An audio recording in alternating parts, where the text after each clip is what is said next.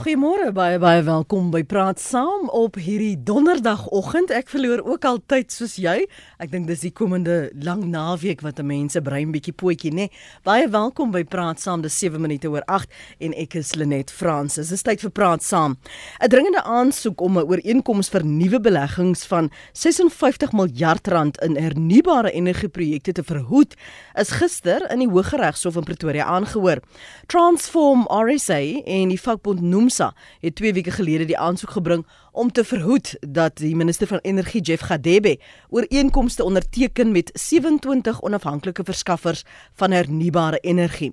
Vanoggend kyk ons na die kragvoorsieningsprentjie in Suid-Afrika en ons probeer die balans vind tussen hernubare energieprojekte en die tradisionele en bestaande projekte Hoe gaan ons dit regkry? Wat behoort ons te doen? So as jy belangstelling in hierdie veld het en kundigheid, dan verwelkom ek jou kommentaar en jou oproepe.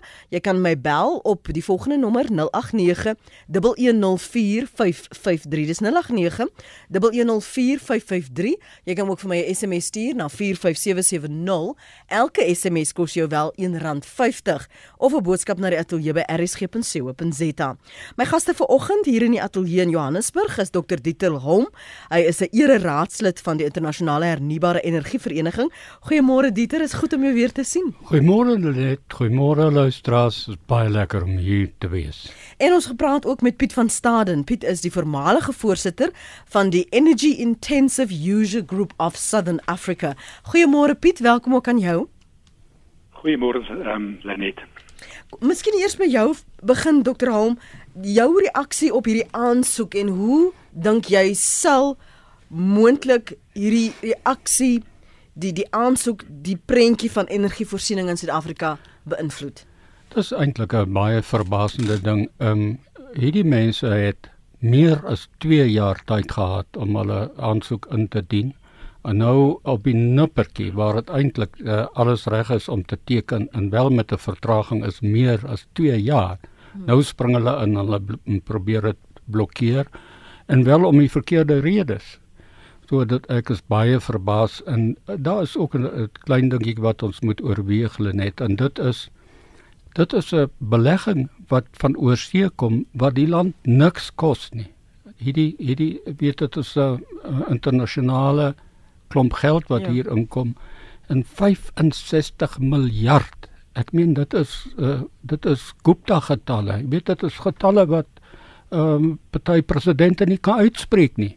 So dit is geweldig groot en en en dit ehm uh, vertraag ons ons ons sê vir hierdie tenderaars ehm um, staan terug weet um, ons ons is ons is besig weet. Mm. Twee oor oor die 2 jaar met 'n kontrak wat die mense getender het en wat net geweier is om te teken. Dis ongehoord, weet en wat 'n beeld kry ons in die buiteland deur hierdie soort van optrede. Het dit daar dalk 'n paar rolspelers te veel staat gemaak op 'n sekere kragvoorsieningsooreenkoms wat al teen hierdie tyd deurgevoer sou gewees het en dis hoekom hulle nie eens ge-worry het oor oor hierdie aansoek nie. Presies, presies dat jy jy sê dit nou en mense kan dit ook maar by die name noem, maar hierdie ding is tog nou van die baan af. Die die kernkontrakte is van die baan af nou en nou is dit regtig met die nuwe regering hoogtyd. En dat hierdie ding in die laaste oomblik geblokkeer word is ongehoord en baie sleg vir ons. Piet, jou standpunt? Ja, Lenet ek ek, ek steun baie saam wat wat Dieter sê. Ek dink wat ons hier het is 'n is 'n oorgang wat oor baie dekades gaan uitspeel. Jy weet heidaglik is ons so saaklik steenkool gebaseer en ons het voldoende kapasiteit so 'n mens van moet om 'n tafel gaan sit en beplan teen watter tempo gaan jy die ehm um, nuwe kragopwekking uitrol oor die volgende paar dekades. Nou ehm um, daar daar's natuurlik gevestigde belange so daar is daar is steenkool ehm um, opwekkers wat sal moet terugskaal en daar is stasies wat aan die einde van 'n leeftyd bereik en wat dan uit bedryf gestel gaan word en daar's groot implikasies aan daai kant. So 'n mens kan verstaan dat daar gevestigde belange aan daai kant is, maar die die ehm um, die visie van waar ons op pad heen is is vir my redelik duidelik en Suid-Afrika het 'n kompeterende voordeel in terme van ons hernubare bronne. Ons het baie sonskyn. Ons is by ehm um, met aan die punt van 'n kontinent waar daar baie wind is. So enige studie sal wys dat die pad vorentoe is baie duidelik. Die die vraag is net in watter tempo moet jy dit doen en ehm um, en hoe vat jy almal saam dat 'n mens so die middelgrond bereik? Want daar is mense wat natuurlik nou benadeel gaan word deur die uh, langtermyn omskakeling wat op pad is. Mm. Ons kan praat oor die voordele en die nadele en, en wie in hierdie bedryf en die bestaande bedryf daardeur geraak word omdat ons na kyk na die hernubare energieprojekte maar ons kyk ook daar die daarteenoor die die tradisionele en die bestaande projekte. Maar kan ons teruggaan na Dieter jy glimlag so ek, ek, ek wil bietjie stil staan en praat oor die die 2 jaar van ja. sloer. Ja. wat ons al kon reg kry. Ja. En en in watter vlakke watter areas praat ons van waar hierdie nuwe rolspelers spesifiek in terme van hernubare energie waar hulle impak sou maak?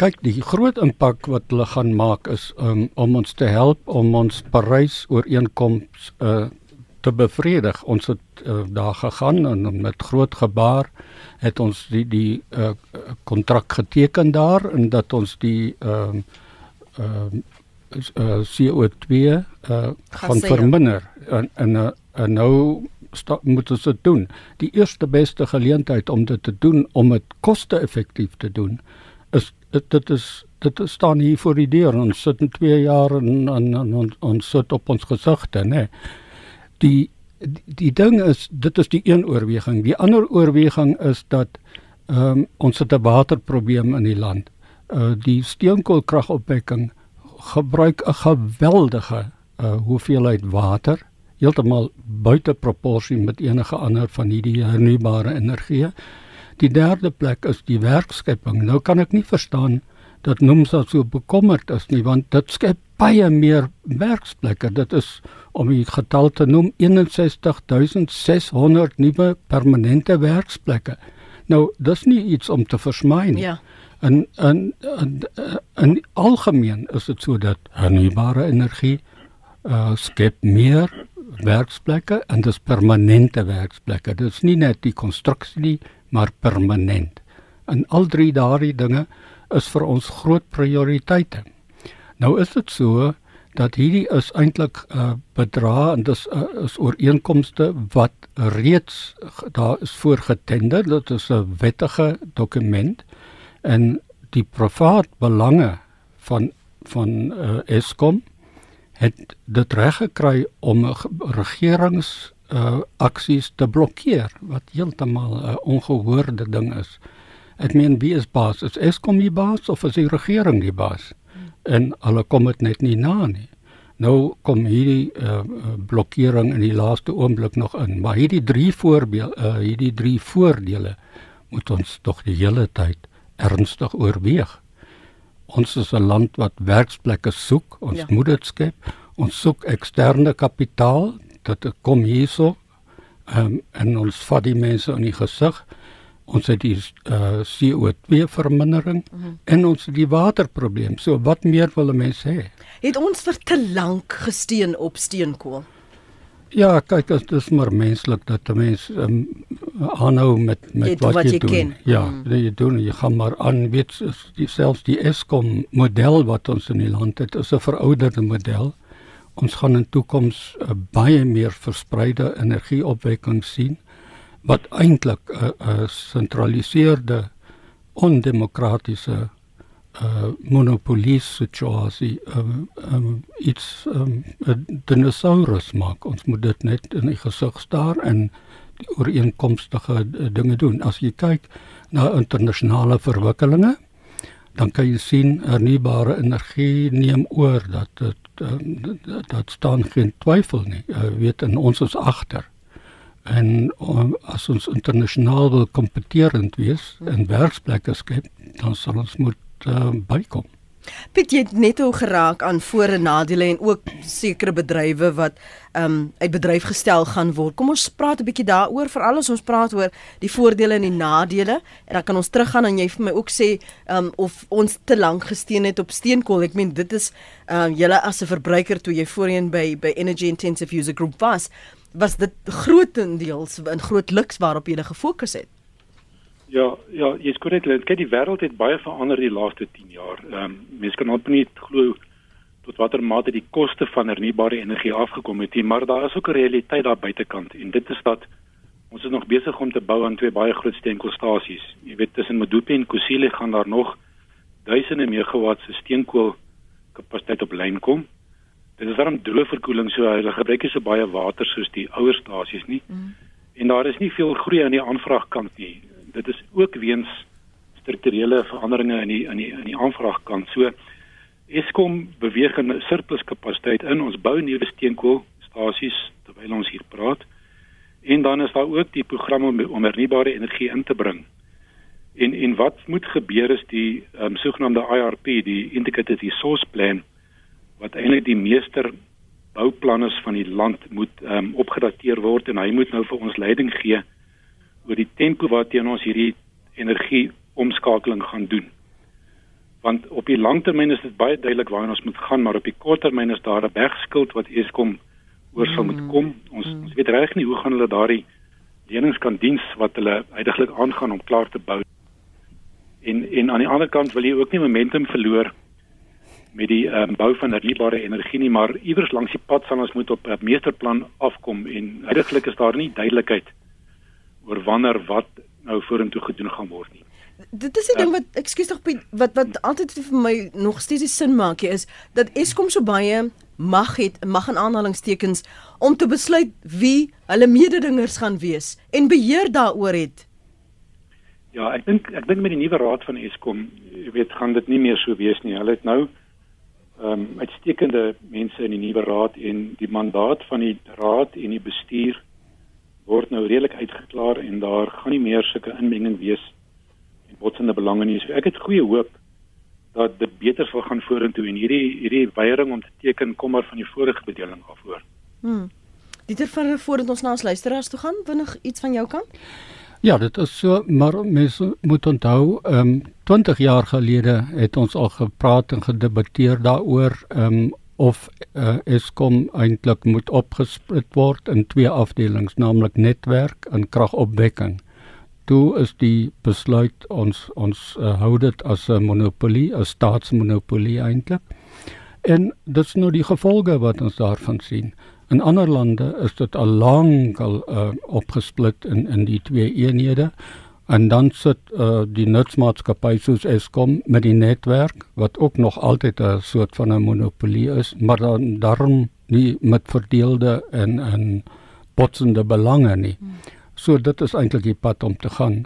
En dit sou waarskynlik ook die pad wees om om van hierdie groot geld skuldlas uit te kom. Daar's nie 'n ander pad nie. Uh, onthou net Eskom produseer en dit is nie verkoop nie, produseer dieselfde uh, uh hoeveelheid elektrisiteit as 20 jaar gelede, maar het sy personeel verdubbel.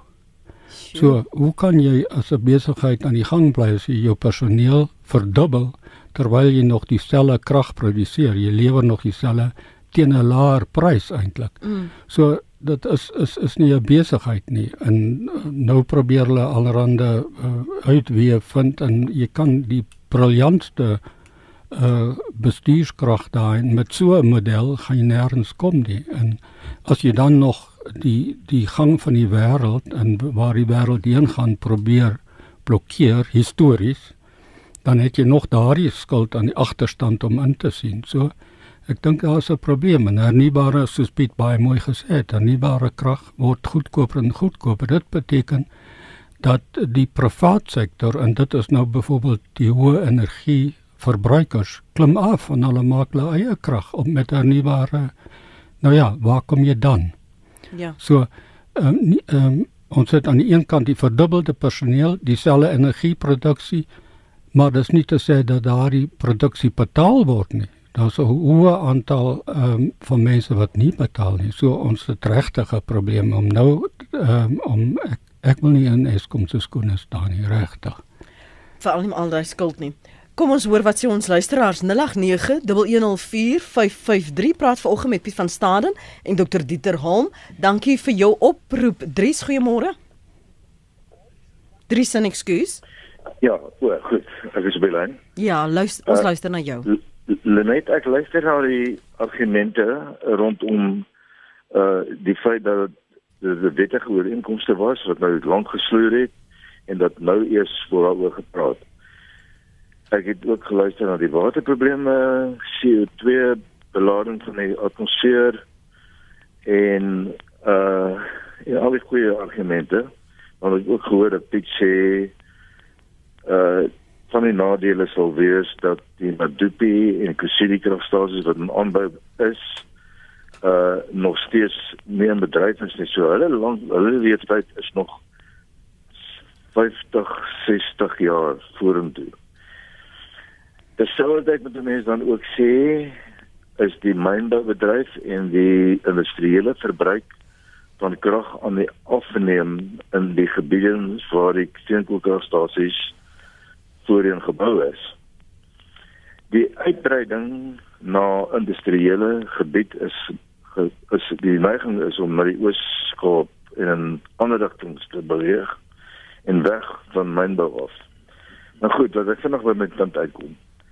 Wat nie genoem word nie, is die profiel van verbruik van krag in Suid-Afrika en dan praat ek van die hoofkragnet. Mhm. Mm nou die grootte van die hoofkragnet is in die orde van 40000 megawatt, 40 gigawatt. Een windturbine kan maar 1 megawatt opwek. Dis maar 1 duisendste van 1 gigawatt. So, nou kan jy sien wat ek oor oor ons van praat.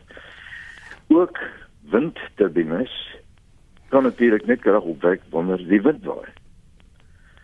En die verbruik van krag is nie noodwendig gesinkroniseer met die tyd wanneer die wind waai nie. 'n probleem is sonkrag word opgewek tydens die sonskyn. En dit is gewoonlik so tussen 10:00 in die oggend en 3:00 die middag maksimaal. Dit is 'n bietjie meer kompleks. Wat nie hier aangeraak word in die gesprekke nie, is die tegniese aspekte van die probleme wat die sogenaamde skoon energie vir die tradisionele kragstasie konsep en ontwerpe skep. So 'n tradisionele kragstasie waarvan ons praat, het baie baie groot probleme as jy hom nie redelik konstant laat loop nie. Mhm. Mm as jy hom wissel, die krag daarvan wissel, dan doen 'n mens ongelooflike skade aan die masjinerie.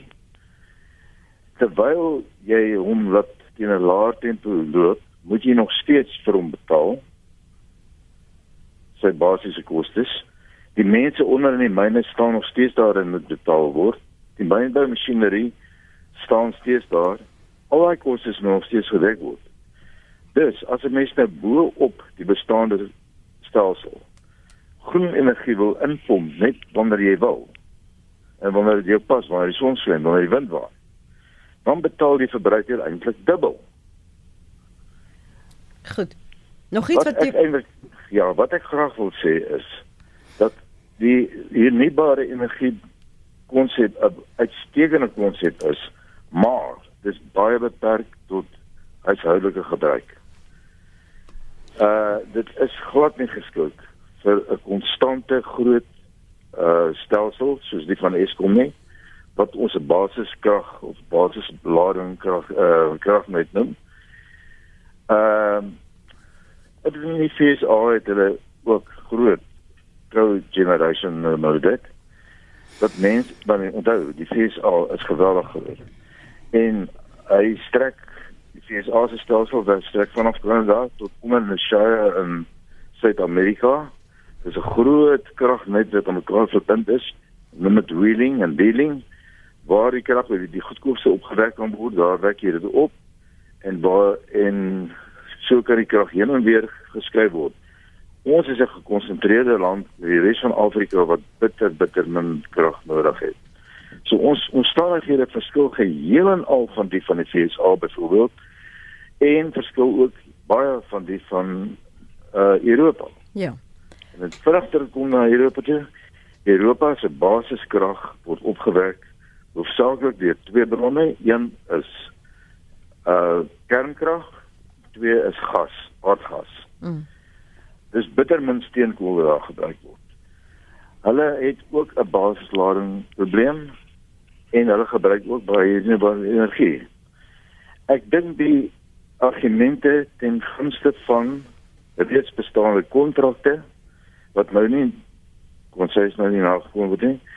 Is nie geldige argument nie. Die probleme wat ek nou uitgelig het, moes lankal al bespreek word deur ingenieurs. Mense wat weet hoe werk 'n konvensionele kragstasie. Hmm. Hou net vir my vas Driesen. Ek wil net gou by my gaste hoor of hulle in gesprek wil tree op enige van daardie punte want jy is nou beskikbaar. Baie dankie Dries. Dis natuurlik 'n baie ou argument hierdie storie van basiskrag of baseload soos hulle dit noem. Ehm um, dit is in toekoms nie meer 'n uh, 'n uh, oorweging nie. En sal ek sal vir jou sê hoekom. En dit is eintlik eenvoudig. Uh eerstens is dit nie so dat uh, oor 'n hele land in die wind uh te gelykertyd gaan lê nie. Daar is altyd omdat ons 'n geïntegreerde net het, is daar altyd 'n plek waar die wind waai en dit moet natuurlik vervoer word.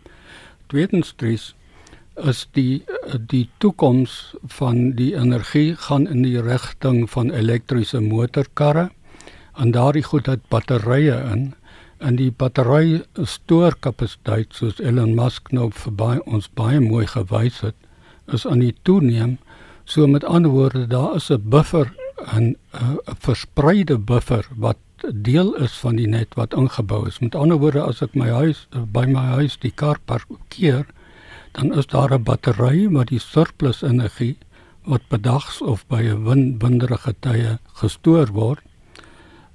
Die daardie motorkar se battery, battery stoor die energie en dan as daar weer 'n piek ontstaan, dan word dit daardeur gebuffer en wel lokaal gebuffer. Dan tweedens is dit um, weet om te sê die energiegebruik is konstant is natuurlik glad nie so nie. Daar is geweldige pieke en uh, terwyl ons kragverbruik eintlik stabiel gebly het in die laaste met alwoorde nie die elektrisiteitsgebruik nie toegeneem het nie, het die pieke wel toegeneem. Met ander woorde die die bestaande netwerk het al 'n geweldige op en af soos hy nou is. En mens kan daardie stories alles en ook die koste implikasies daarvan uh, dries kan mens baie mooi nalees aan die studies wat die BNR gedoen het. Tobias Bischoff Nims het 'n baie baie goeie studie daarvan gedoen en eintlik gewys dat juis in die spitstye ehm um, het die hernubare energie eintlik ingeklim en ons gered uh naamlik van baie groter uitgawes wat ons met gasturbines sou moes gebruik het. So ehm um, terwyl jy ehm um, natuurlik 'n punt het dat die kragverbruik op en af gaan en ook die uh energieproduksies op op en af gaan, is daar tegnologie om dit te uh, oorkom en ook uh, is dit die rigting van die toekoms. So Uh kyk na da gerus na daardie ek herhaal net die naam Tobias Bischoff Nims van die WNR het 'n baie goeie studie daaroor gedoen. En uiteindelik gewys dat ons die nuwe kragstasies liewer nie moet bou nie um, die selfs die uitbreidings daarvan want dit is vir ons vir die land nie lonend nie.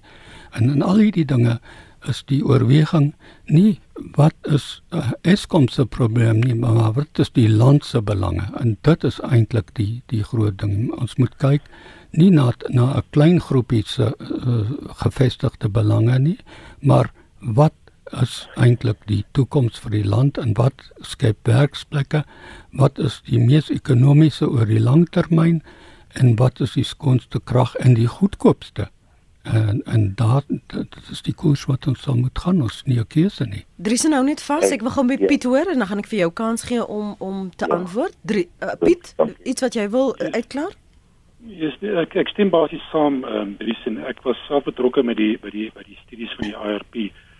Ehm um, die Plexus modeling basies ehm um, neem al hierdie faktore in ag en ons beweeg na 'n era waar die ou baseload generation nie meer nodig gaan wees nie. So Ek wil net weer sê dat ons gaan in die volgende 10 jaar gaan daar nie baie verander nie, maar van 2030 af gaan ons nou op groot skaal van die ou steenkoolstasies begin uit bedryf stel en dan sal jy hulle vervang met hernubare wind en natuurlik son en gas. Uh, uh, daar is LNG op op die program wat vir jou buigsame um, opdekking gee waarmee jy die renewables gaan balanseer en dan is natuurlik storage, batterye en daar's ook demand response.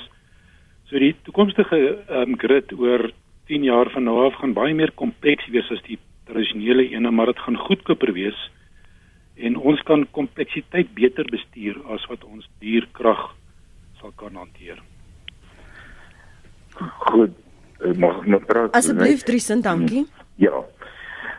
Alles wat die twee vorige sprekers nou 'n uh, repliek gelewer het op wat ek gesê het, is natuurlik grootliks en mondelings korrek.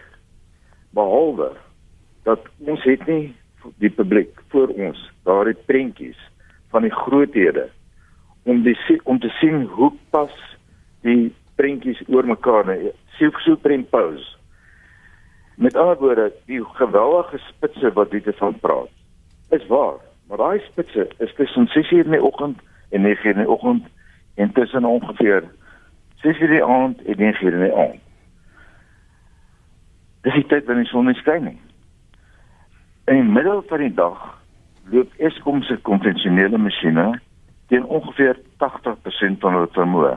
Indien jy dit as laer as daai vermoë begin loop, dan word dit goed al hoe duurder om te onderhou en vernietig jy as dit ware hulle ontwerp konsep.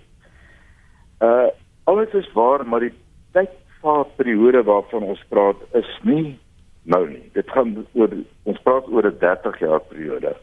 Dan gaan die ding uiteindelik gelyk oorswaai.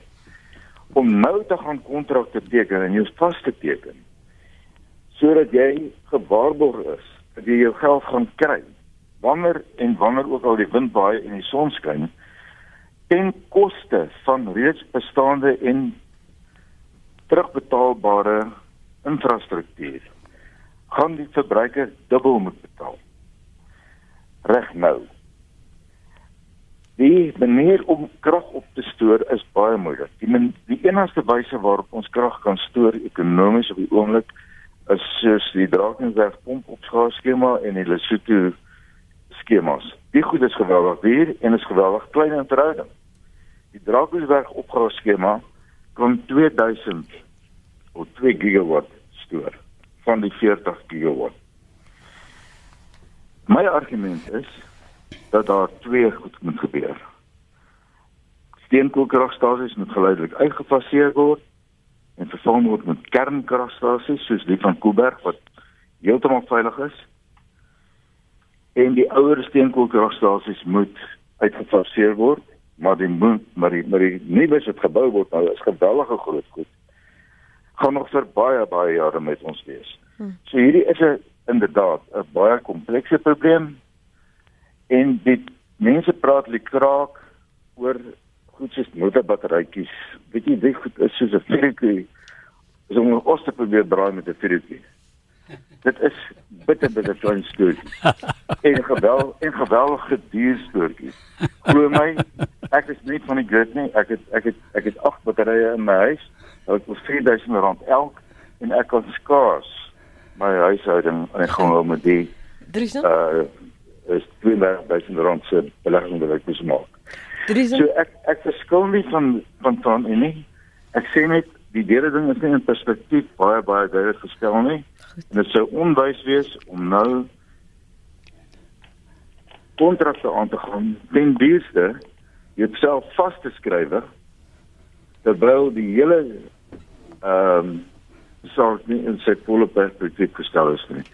En die publiek het die reg om al haar grafieke te kan sien. Die publiek is nie so onnoosel nie. Daar die meeste baie van hulle verstaan wiskunde baie goed. En ons kan baie mooi sien hoe hierdie groothede met mekaar vergelyk en wat die kostes daarvan is. Weereens herhaling, die stoor en die opgaar van elektrisiteit is die groot groot probleem. Goed, dankie Driesen. Baie baie dankie vir jou kundigheid en dat jy dit met ons gedeel het en vir ons geleentheid gegee het om bietjie van hierdie kwessies uit te pleis. Johan, jy moet net vir my vir 'n oomblik nog aanhou. Dankie dat jy so dusver so geduldig was. Ek sien dat jy vir my aanhou. Um ons gaan na die breek gaan ons verder gesels. Jy luister na Praat Saam, weekoggende 8 tot 9. Welkom terug by Praat Saam vanoggend met my Lenet Fransis. Ons kyk vanmôre na kragvoorsiening in Suid-Afrika. Ons probeer die balans vind tussen hernubare energieprojekte en die meer tradisionele en die bestaande projekte wat ons gaan wen, wat ons moontlik kan verloor. My gaste vanoggend is Dr Dieter Halm.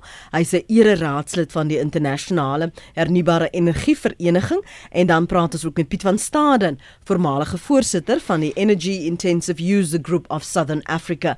En 'n groot dank aan een van ons luisteraars, Johan. Dankie vir jou geduld. Goeiemôre en baie welkom. Net môre kan ek gepraat. Asseblief uiteindelik ja. Ja, ja. Nee baie dankie. Ehm um, joh, die vorige inbeller het omtrent 99,99% gesê wat ek wil sê, maar dit is 'n uh, dis 'n ander gesprek daai. Uh, ek dink dit hierdie goed moenie as teenpole vir mekaar gesien word van 'n uh, um, either or of 'n een of die ander wêreld nie. Die kwessie van hernubare energie in samehang met uh, bestaande energie uh uh en watter bron van energie ook al.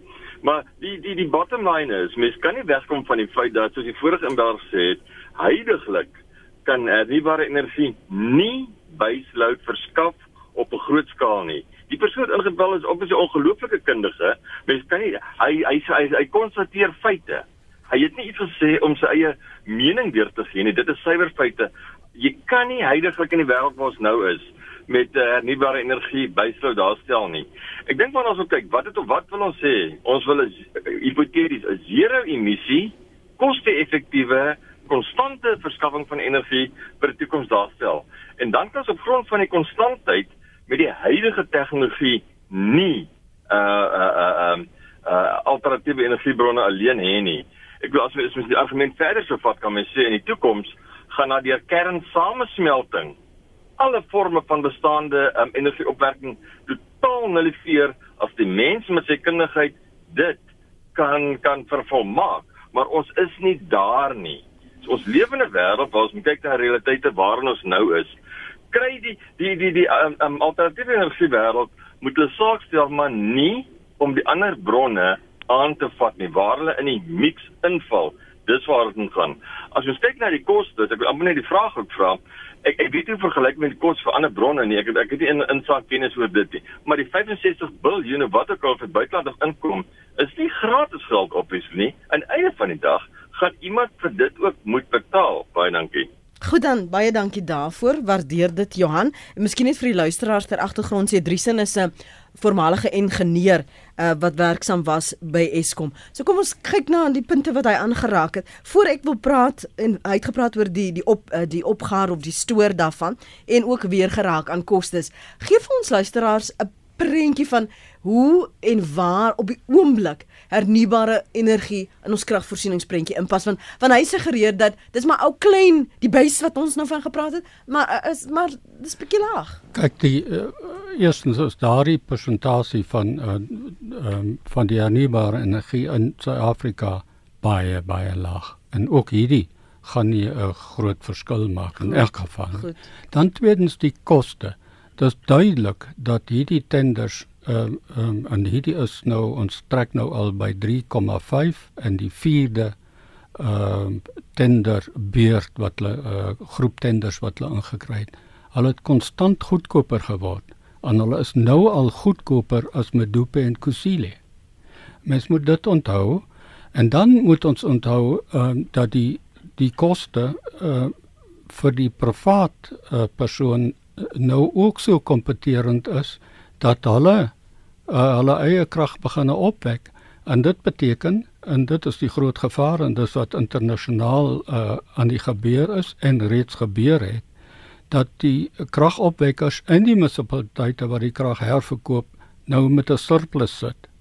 En en dit is natuurlik waaroor die hele geveg gaan. So ek die ding is natuurlik glad nie so eenvoudig nie want uh, weet uh, koste is koste maar nou met 'n mens ook daarby reken die koste van uh, Medupe Kusile reken nie die eksternaliteite in nie dit beteken die koste wat um, aan die omgewing aan die gesondheid aan die besoedeling en so aan veroorsaak word en dit is volgens vorige studies en dis baie ou studies nou al kan tot die verdubbeling van die eintlike koste lei. Ehm um, en dit uh, kom nie in hierdie berekening in, in ag uh, geneem nie. Dieselfde weet ehm um, Dries het nou so geesdriftig geraak oor oor kernenergie om so 'n kragstasie naderhand weer af te breek en te ontsmet is 'n geweldige koste. Ons sien dit nou in daardie kragstasies in Europa en oral dat hulle alles net eintlik te duur en onbekostigbaar. Nou uh, en hulle lewer nie uh, stroom wat uh, pieke kan veroorsaak, want as jy 'n kernkragstasie op en af jaag, dan is dit die vinnigste manier om hom te breek. Hulle is nie ontwerp daarvoor nie. So ehm um, 'n enige ingenieur weet dit of hoor dit te weet. So daar het ons nou die storie die net om te herhaal, die relatiewe impak is klein. Die hernubare energie tenders is goedkoper as Kusile en en Medupe en uh, dit het, is al bewys en ek verwys weer na daardie studies van die WNR en die BNR het nie gevestigde belange nie hy hy is nie aan die steenkool ja. of aan die hernubare kant nie. So mense kan daardie uh, gerus lees en hulle spreek ook hierdie uh, kwessie van die spitse uh, en die baseload, die basisbelading baie mooi aan. Das, ja, ons moet nie vergeet daar is daar is hierdie belange nie gevestigde en ag ja. ander agendas nie en dit is een van die dinge wat wat openbaar is die laaste ruk maar daarmee saam al sit ek net met ag batterye hmm. in my huis ek, ek dink die aan die einde van die dag moet ons nie die verbruiker se reg om keuses te maak uit hierdie scenario uithaal nie Baie nou sê jy baie belangrike ding in hierdie die uh, energietegnologie beweeg in die rigting van demokratisering. Dit beteken dat ek en jy het die reg om krag van my eie verbruik op te wek. En dit is dis 'n ding wat aan aan die gebeur is oral en met ons uh sonskyn wat ons in hierdie hierdie land het gaan hierdie uh, dit is dis die pad van waar ons heen gaan en ons gaan dit nie ons gaan dit nie stuit met argumente en emosies nie. Dit is sommer net die feite en ons kan ons nie verset teen die ons weet Suid-Afrika is 'n klein land en ons gaan ons nie uh die teen die stroom uh kan gaan nie. Ons hmm. kan, sal net nie gaan nie. Ek Pietie wil vir jou hier intrek en ekskuus as ek jou afgeskeep het, maar Johan het gesê ons moet dalk ook anders begin dink in terme van van hernubare energie maar ook wat bestaande of dan nou die tradisionele uh projekte of voorsiening is dat ons dit minder as teenpole moet sien en dat dit meer um, as as 'n same werking en uh, ooreenkoms moet wees. Net ja, kyk Johannes korrek dat heidaglik is daar nie voorbeelde in die wêreld van van van baie diep ehm um, penetrasie van hernubare energie nie. Ek dink Ierland is 'n voorbeeld waar hulle ook op 'n eiland kry. Dis so hulle is met 'n gelykstroomverbinding aan aan die aan die Verenigde Koninkryk verbind. So hulle het nie enige hulle is hulle is 'n eiland elektries gesproke en hulle het al oor die 50% hernubaar gegaan by tye. En dan kry jy allerlei stabiliteitsuitdagings, so dit raak meer tegnies kompleks om stabiliteit te behou as jy baie hernubare energie het, maar ons is nog hoofsaaklik steenkool gebaseer en op die langtermyn dink ek die, die rigting is baie duidelik.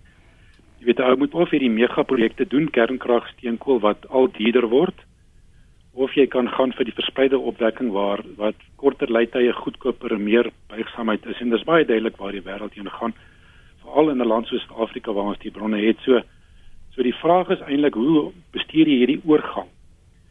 En en dis waar die IRP vir ons kan kan help. Want die ding is nou weer terug na die kabinet toe want ek, ek ons het maar 'n vermoede hy was 'n bietjie ehm um, sal ek sê aangepas om vir kernkrag plek te maak. Ja.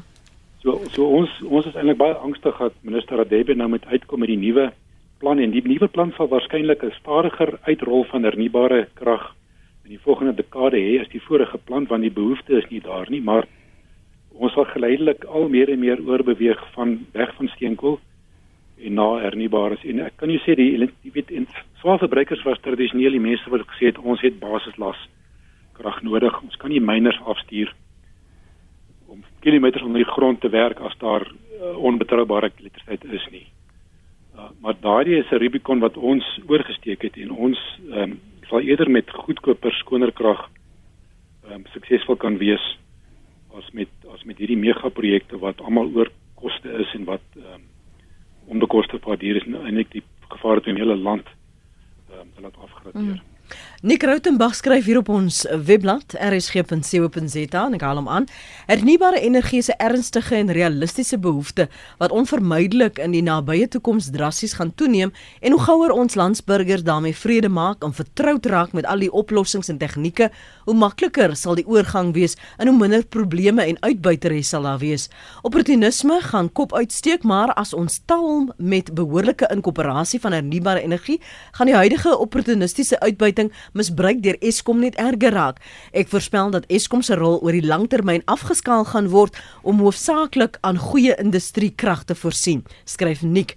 En dan skryf Chris Joubert, jou gas wat kritiek lewer op alternatiewe energie weet klaar blyklik nog nie dat nuwe windturbines reeds tot 4 megawatt elk lewer nie. Ook waai die wind nie oral op dieselfde tyd nie en gaan lê ook nie op dieselfde tyd nie. Ook vergeet hy van dat stoor van energie al goedkoper word en dis nie beperk tot lithium uh, batterye nie. Vloeibatterye en termiese stoor van energie is beskikbare en koste-effektiewe tegnologie wat kan help om die las te balanseer, selfs op netwerkskaal. Ek is persoonlik betrokke by bogenoemde tegnologieë wat bewese is. Wat ook nie genoem is nie, is dat Eskom nie kapitaal hoef uit te lê nie. Dan lees ek wat skryf Connie van Dana Bay. Hy sê moontlik is die oplossing om Eskom te herstruktureer. Vestig 'n oop elektrisiteitsmark, verdeel die kragopwekkingsafdelings in 'n groep van mededingende kragopwekkingsmaatskappye met onafhanklike stelsels en markoperateurs. Bepaal die toekoms van steenkool, gas as en hernubare energie. Haal die angel uit die krag kernkragbouprogram en ooreenkoms met Rusland en ondersoek 'n kragopwekkingstegnologie wat minder water gebruik. Dis van sy mening daar as jy nou eers by ons aansluit, ons praat oor die kragvoorsieningsprentjie in Suid-Afrika. Dis van ons luisteraars se menings daar. My twee gaste vanoggend is Piet van Staden, voormalige voorsitter van die Energy Intensive User Group of Southern Africa en dan ook Dr Dieter Holm. Hy's 'n ere raadslid van die internasionale hernubare energie vereniging. So so waar ek wil terugkom Dr. Halm na waar ons as verbruikers inpas. Die Wêreld Natuurfonds in Suid-Afrika sê die publiek moet Eskom aanspreeklik hou deur aan te dring op 'n toekoms met hernubare energie. So watter rol kan ek as 'n verbruiker speel om druk uit te oefen, maar ook om te kry wat ek soek? Wel, die heel eerste ding natuurlik in 'n demokratiese land is jy kan stem ehm um, vir wie jy dink ehm um, is die gaan die waarskynlikste uh, jou belange op die hart dra. Mm -hmm.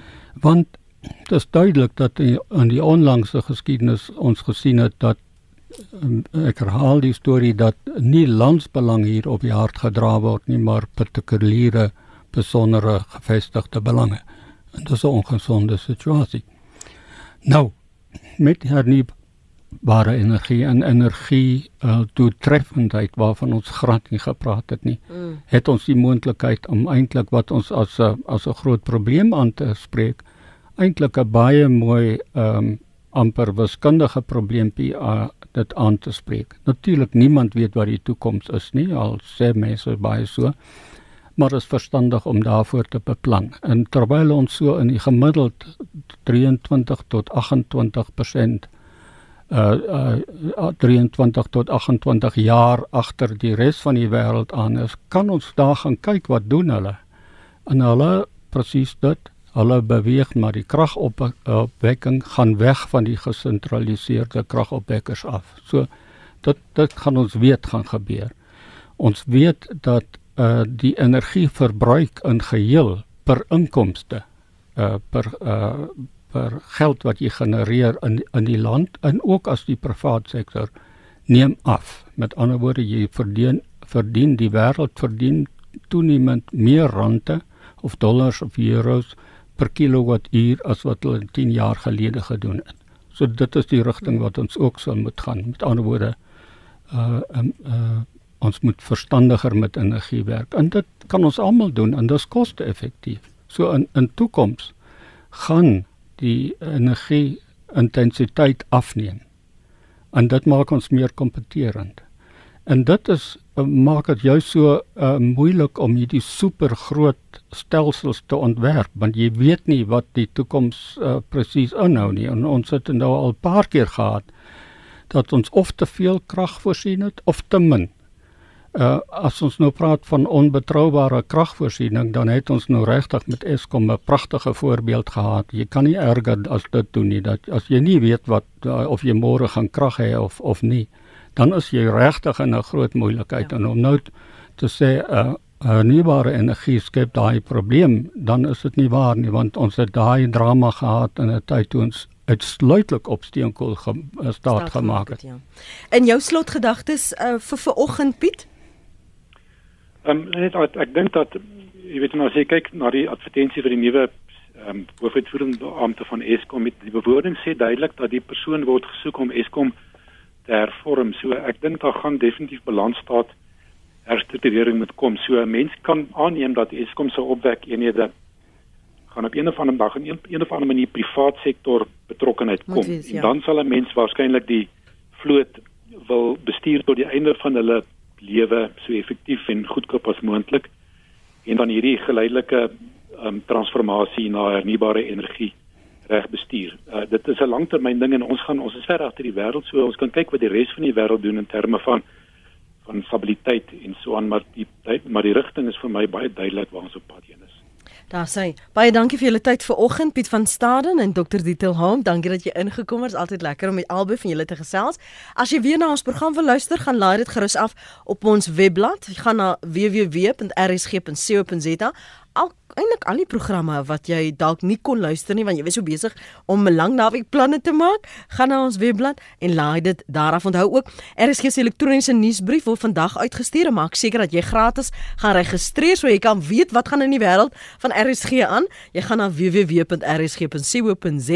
Daar kan jy uitvind oor die veranderinge, die enkele veranderinge hier op RSG vanaf die 1 April. Daar's ook 'n paar syfers, indrukwekkend ook oor RSG RSG RSG se luisteraarsprofiel. Daar's foto's, daar's inligting op RSG se op die Waterkunstefees vir die wat nog nooit daar was nie, hoe jy daar kan kom. Daar is nog enkele kajuite wat beskikbaar geraak het weens die kansellasies. So hoekom nie dit doen nie? gaan sit op 'n boot, gaan ontspan, gaan vergeet van jou sorges en al die kragprobleme. Moenie so lag, Dieter. En dan kan jy van vandag ook ook luister na uitsendings vanaf die KAKNK. Ja, ons is oral was laas in die by die woordfees is nou in op Oudtshoorn. Die program kan jy luister as jy dan nou te besig raak, maar luister dit op www.rsg.co.za en ook dit nê nee, is selfs beskikbaar as 'n potgooi. So maak 'n punt daarvan. Bly ingeskakel. Die heer Etienne Ludik is uh, vanaf 9uur hier met jou. Hy vervang hy vir my en dan hou hy vir jou vir die volgende paar uur geselskap saam met ons span daar by die KAKNK. Uh, ek praat volgende week DV Dinsdag met jou. Jody gaan vir my instaan Maandagoggend. Ons sal sien hoe hy wakker word om dit te doen. Ons twee is mos mos vroeg in die oggend hierso. Maar dankie dat jy ingeskakel het. En ons gespreksnoot is hier op Praat saam op RSG.